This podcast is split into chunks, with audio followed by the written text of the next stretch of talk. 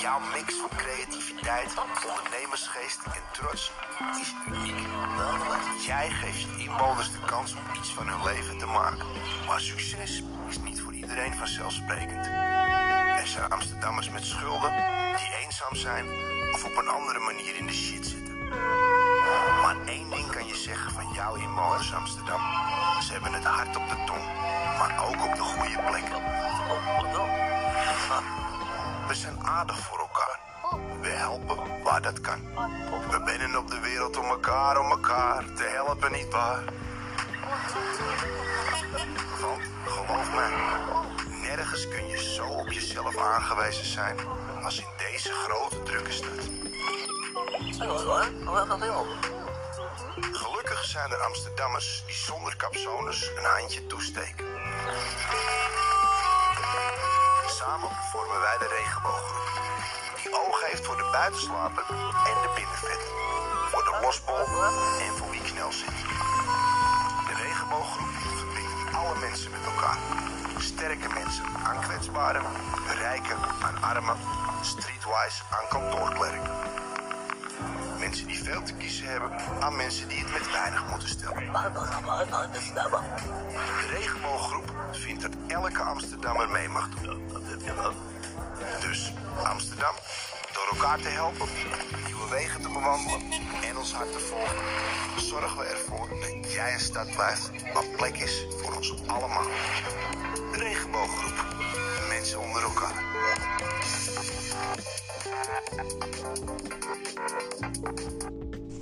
Nou, jullie hebben het gehoord, de regenbooggroep. Nu heb ik toevallig net een mailtje gekregen van de hoofd van de T6. Dat ik een maand geschorst ben. En dat ik op een mismakelijke manier beschuldigd ben van het stelen van medicatie wat niet klopt. Op een gekwietste en wel degelijke capsones manier hebben deze mensen mij een streek geleverd waardoor ik wel de waarheid moest, vertellen, moest vertellen over een zaak uh, waar ik later wel uh, op in ga. Ik kom bij de regenbooggroep en bij de T6 Jok, de opvang, die sinds twee jaar niet gesloten is. En Europeanen eruit gezet zijn. En buiten in de tuin bij de regenbooggroep een tent hebben opgezet die nergens terecht kunnen dan alleen daar. En daar slapen en daar onderhouden worden door de regenbooggroep.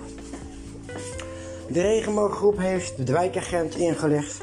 En binnenkort gaan ze een interventie houden om deze mensen een boete te geven en ze weg te sturen van deze locatie. Dit is in samenwerking gegaan met de regenbooggroep. Dus als je nou net dat animatieverhaaltje hebt gehoord dat ze er altijd zijn voor de losbol en de binnenvetter, is dat natuurlijk altijd negatiever. Althans, dat is dat contra-indicatie met hetgeen wat ze doen. En dat bedoel ik nou weer te zeggen, met als jij dicht op de zaak zit en je volgt dat soort instanties en je hoort ze praten en je denkt, maar what the fuck, ik heb hele andere dingen binnen gezien. Zoals bij het leger zelfs in Kikkerstein.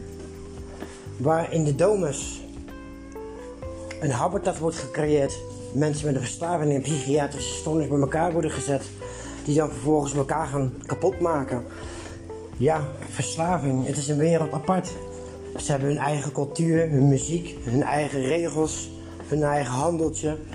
Soms stond de rij voor de dealer wel voor de deur, buiten in de gang. Uh, ja, bij een cliënt om kook te kopen.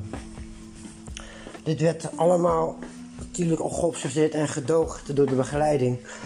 Ik kreeg een gesprek met de begeleiding van Kikkerstein en ze zeiden ja, omdat ik natuurlijk een nieuwe cliënt was.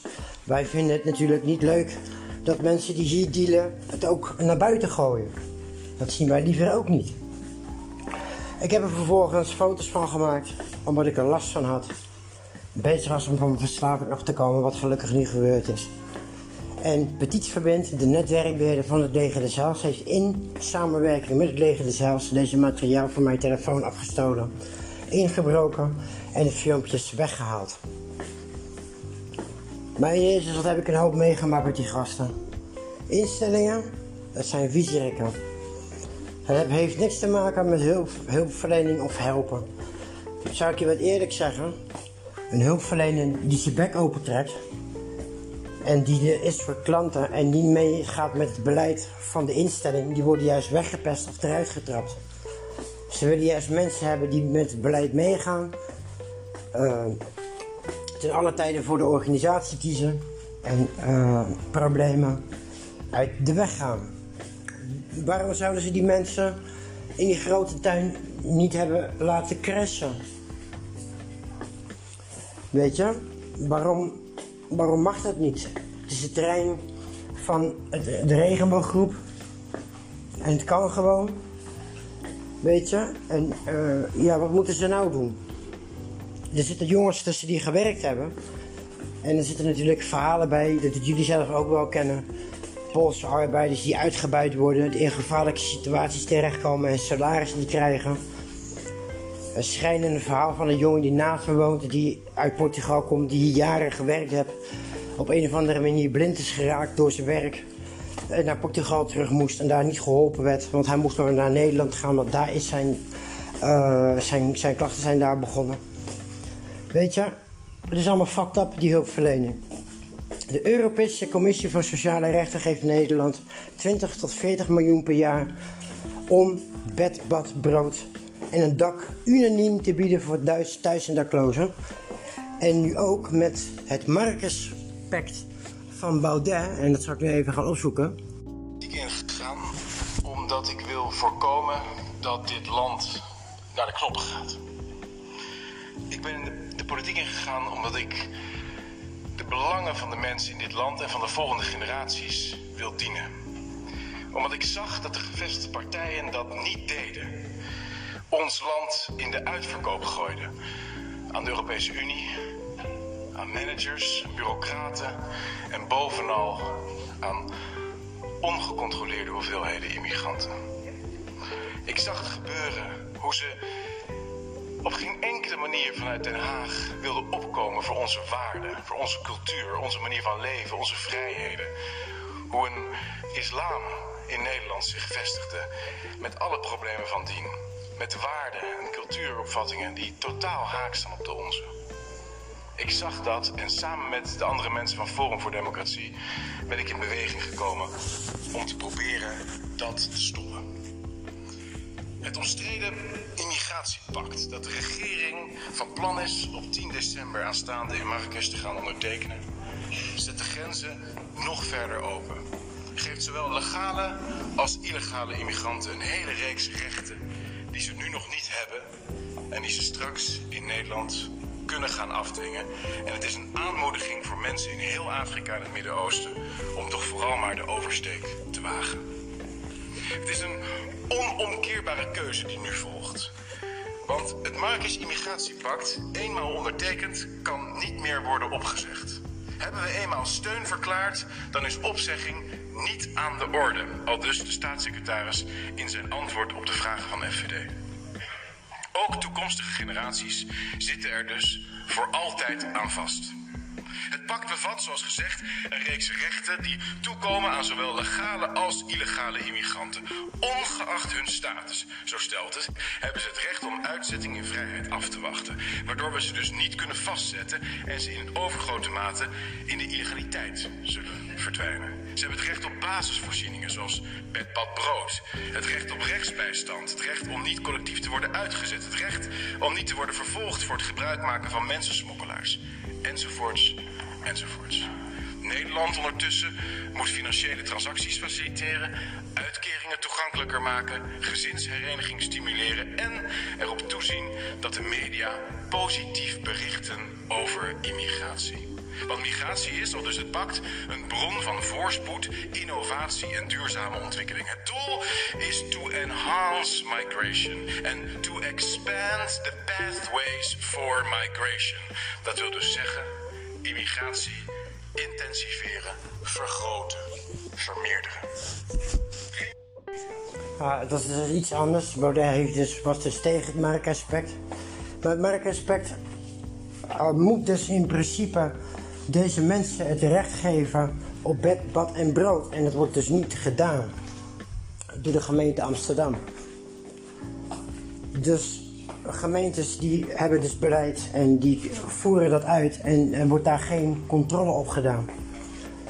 Ik zie geen uh, voorzieningen voor deze Poolse arbeiders. Ik zie geen, uh, ja, geen toekomst voor die mensen. Maar ja, ik zit zo momenteel als Nederlander in de instelling zonder woning. En we zijn 1,4% overgepopuleerd. En we willen nu nog meer problemen in huis gaan halen. En precies wat Baudet zegt. We willen dus immigratie stimuleren. We willen dus innovatie, dus de juiste mensen uh, uiteindelijk het land binnenbrengen waar we wat aan hebben. En uiteindelijk, wat we, waar we niks aan hebben, pleuren we de straat op. Belandt in de GGZ, wordt verslaafd, zorgen dat het afgemaakt wordt. Of wordt terug, terug naar huis, of wordt niet zoals Daniel weer terug naar Nederland gestuurd. Omdat zijn problemen hier in Nederland begonnen. Ja, what the fuck? Weet je, het houdt gewoon niet op, joh. Het houdt gewoon echt niet op.